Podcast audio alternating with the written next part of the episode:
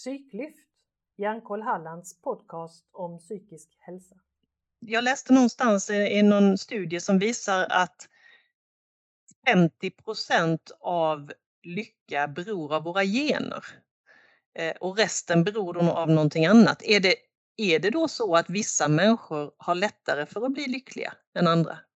Eh, det tror jag absolut att det är. Eh, vi, vi går ju tillbaks ett steg till då och säger att det finns en anledning varför just du fick de generna du fick i det här livet.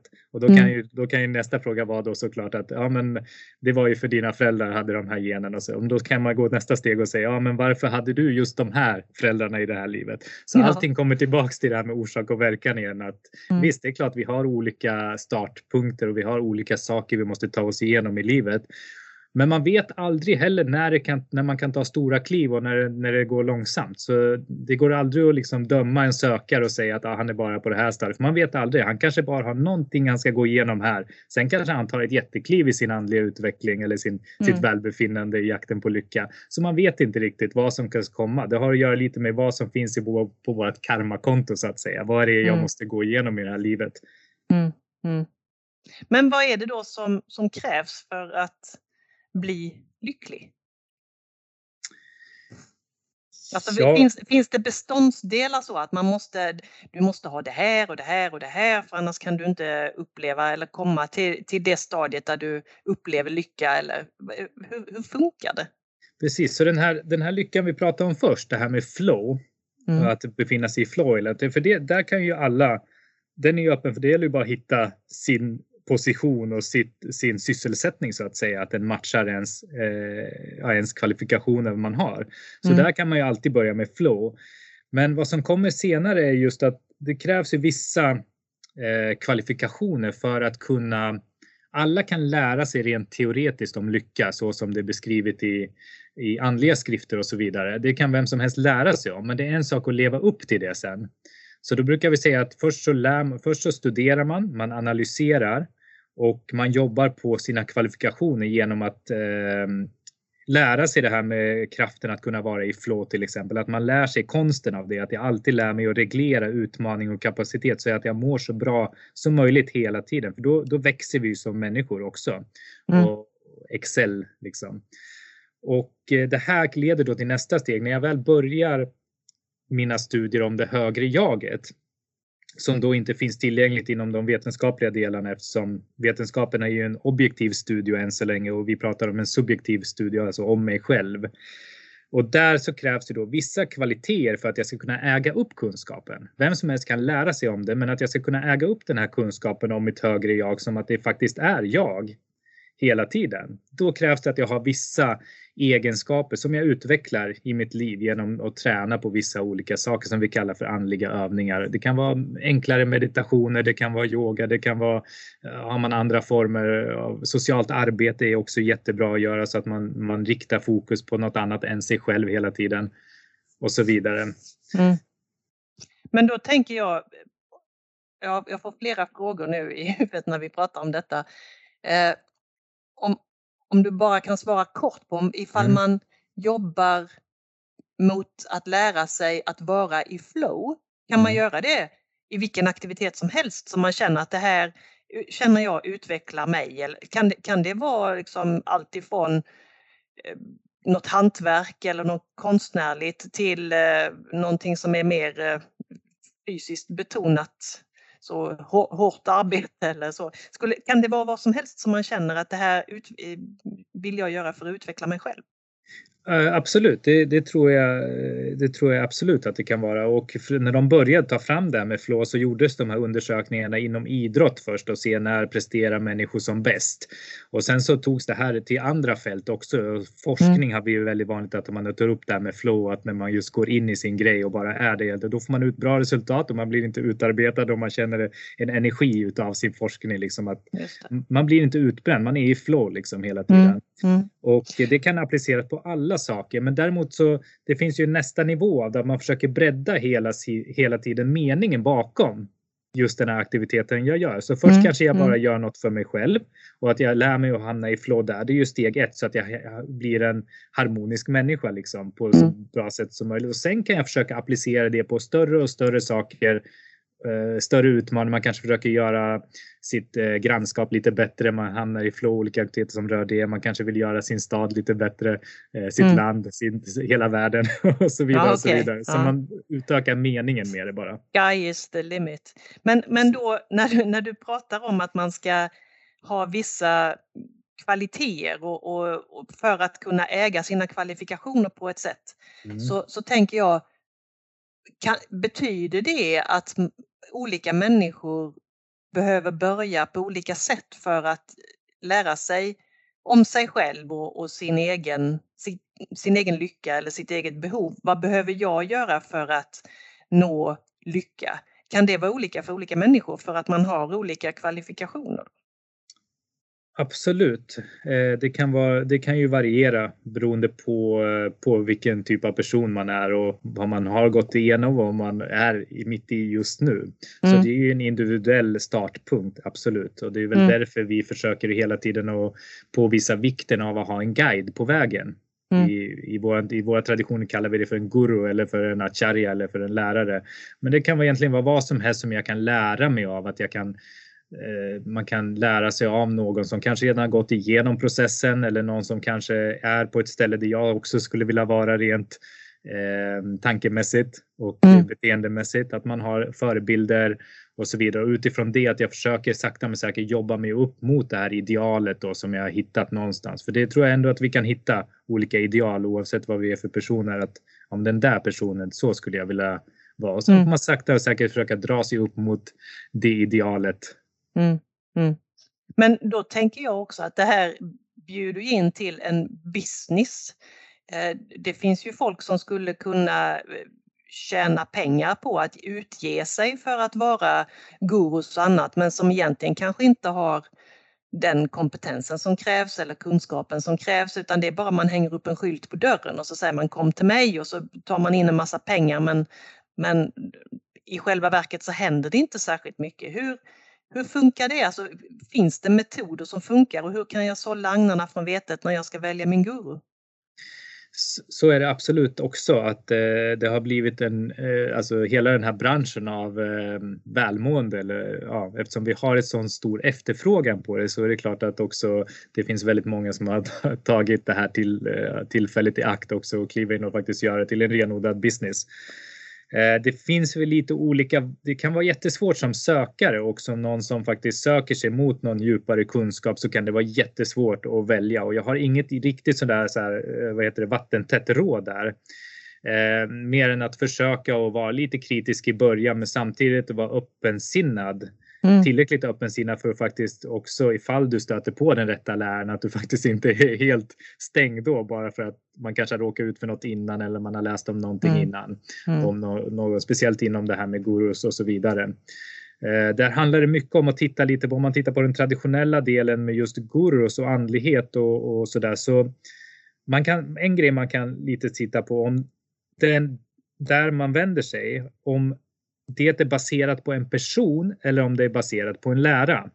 Om det är baserat på en person så är det oftast vad vi kallar för någon typ av sekt eller liksom mm. som har en negativ klang då.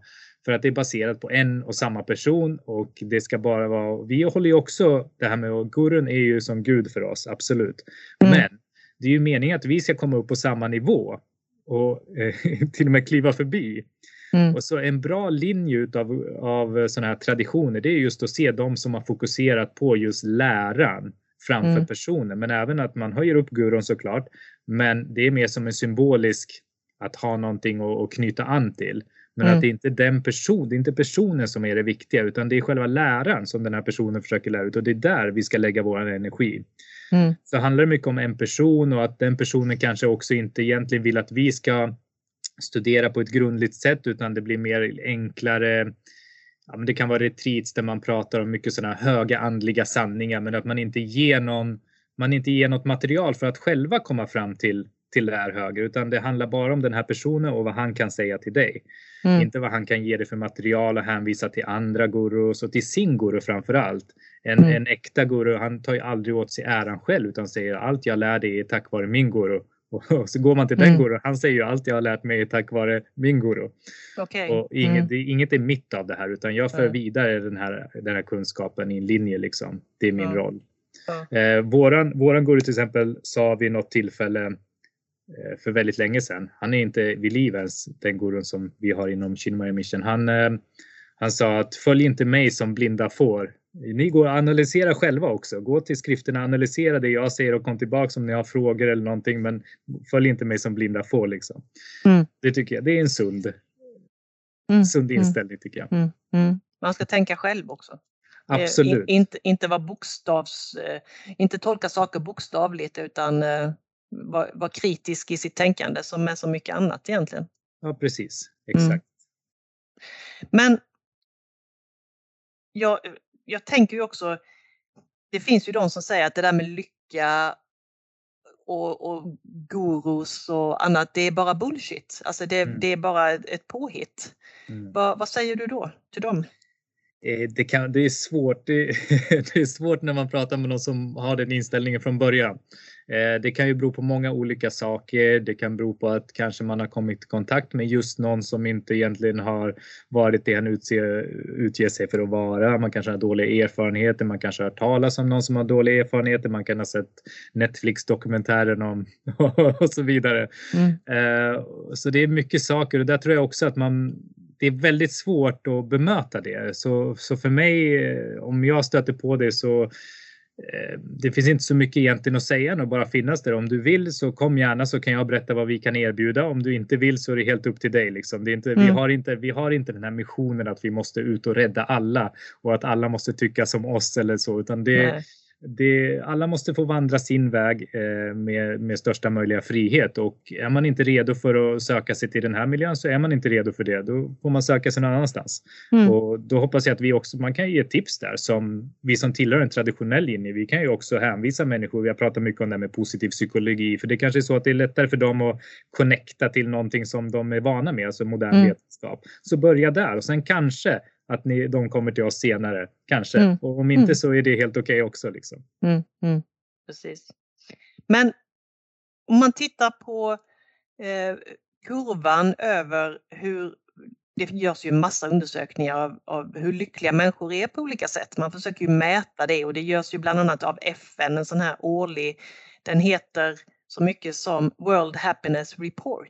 Mm. Eh, där ju Finland eh, för femte året i rad har varit världens lyckligaste land. Som man kan ju tycka, liksom, jaha, hur kan de vara så lyckliga? De säger ju ingenting. Men eh, de, där har de ju olika, olika faktorer som de mäter, bland annat då socialt stöd och generositet, alltså hur mycket man hjälper andra och så. Så att det, det, vi har ju varit inne på de punkterna. Men i övrigt om man tänker på Sveriges befolkning till exempel, eller vilket land som helst, så verkar ju ofta de äldre människorna vara lyckligare. Hur, hur kommer det sig? Varför blir man lyckligare när man blir äldre? Har man mindre krav då eller vad, vad beror det på?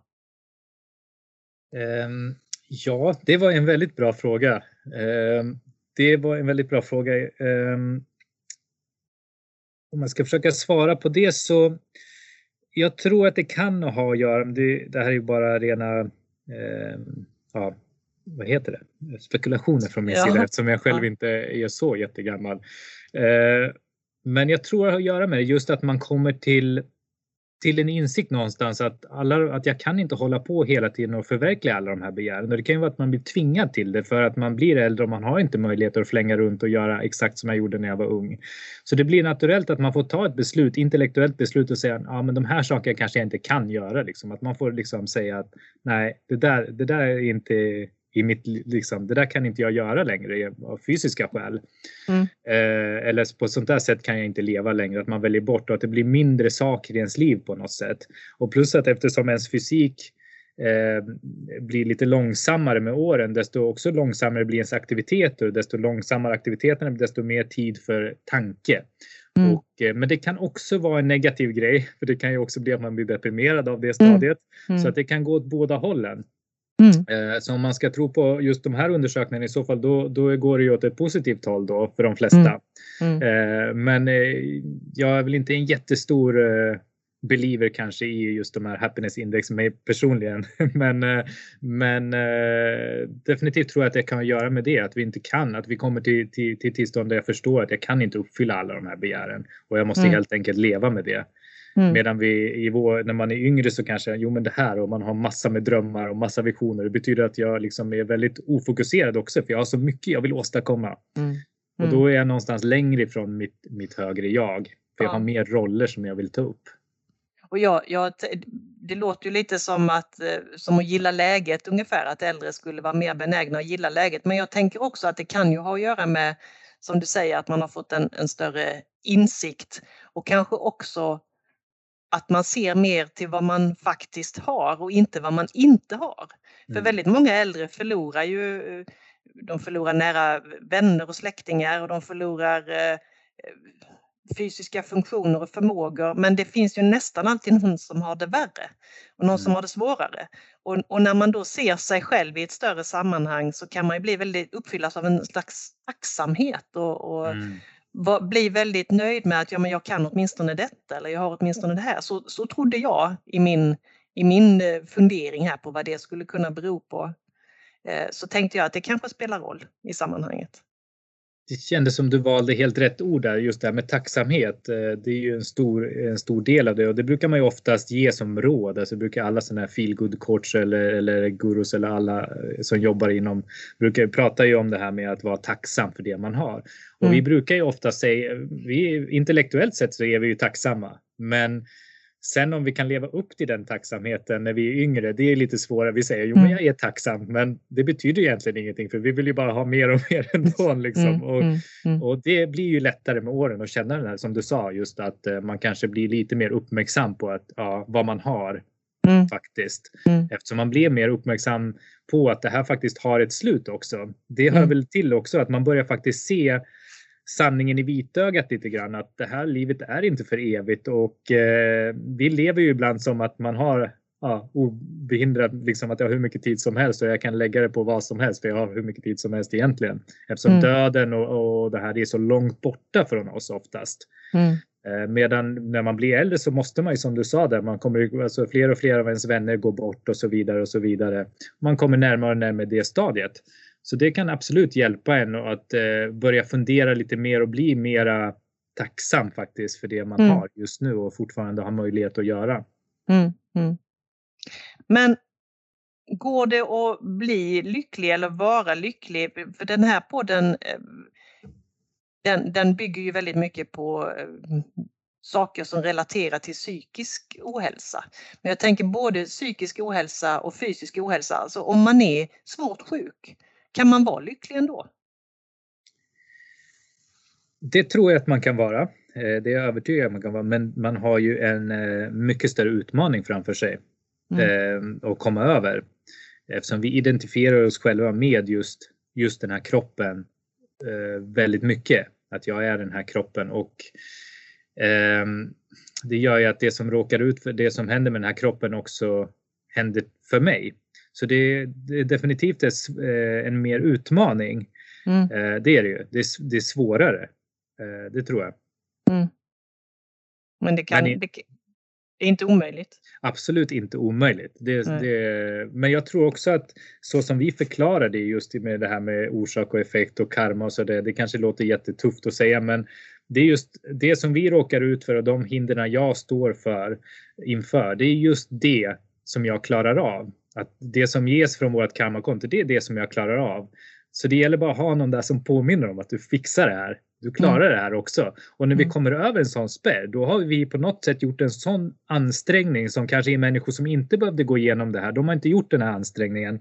Och därför så kan du ta många kliv och i och med att komma över en, en tuff svårighet i ditt liv mm. och komma ut på andra sidan som en ja, positiv och bättre människa eller lika bra människa och väldigt positiv människa som har arbetat igenom något tufft. Och då kan det ge en väldigt boost i ens fortsatta utveckling.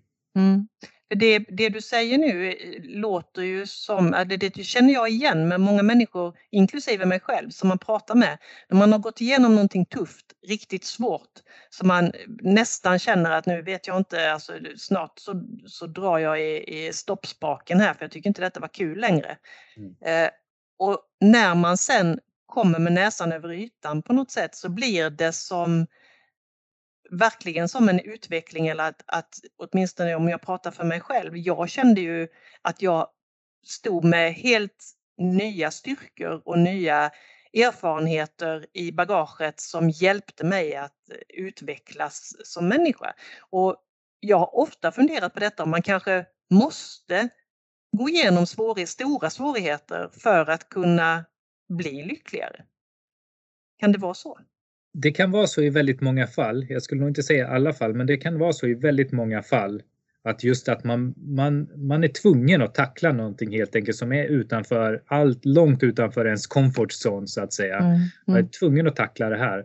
Och som du sa, när man väl har gjort det och tagit sig ut på andra sidan efter, det kan vara jättemycket om och men på vägen, men att jag mm. lyckas ta mig igenom det här så kan man stå där med helt nya styrkor som du säger och man kanske mm ja, man känner sig nästan lite på nyttfödd och nästan lite överraskad kanske över att ja, hur klarade jag det här liksom och tittar tillbaka. Men man klarade det och det mm. ger ju en känsla inom en som också har väldigt mycket att göra med lycka mm. och harmoni och så vidare. Och så mm. gör det ju i framtiden att man blir så otroligt tålig mot saker också. Att mm. saker som förut kanske eh, påverkade en väldigt mycket inte får någon påverkan på en för man har gått igenom dem mycket tuffare. Så det här, vad är det här för saker? Det här är inga problem mm. alls.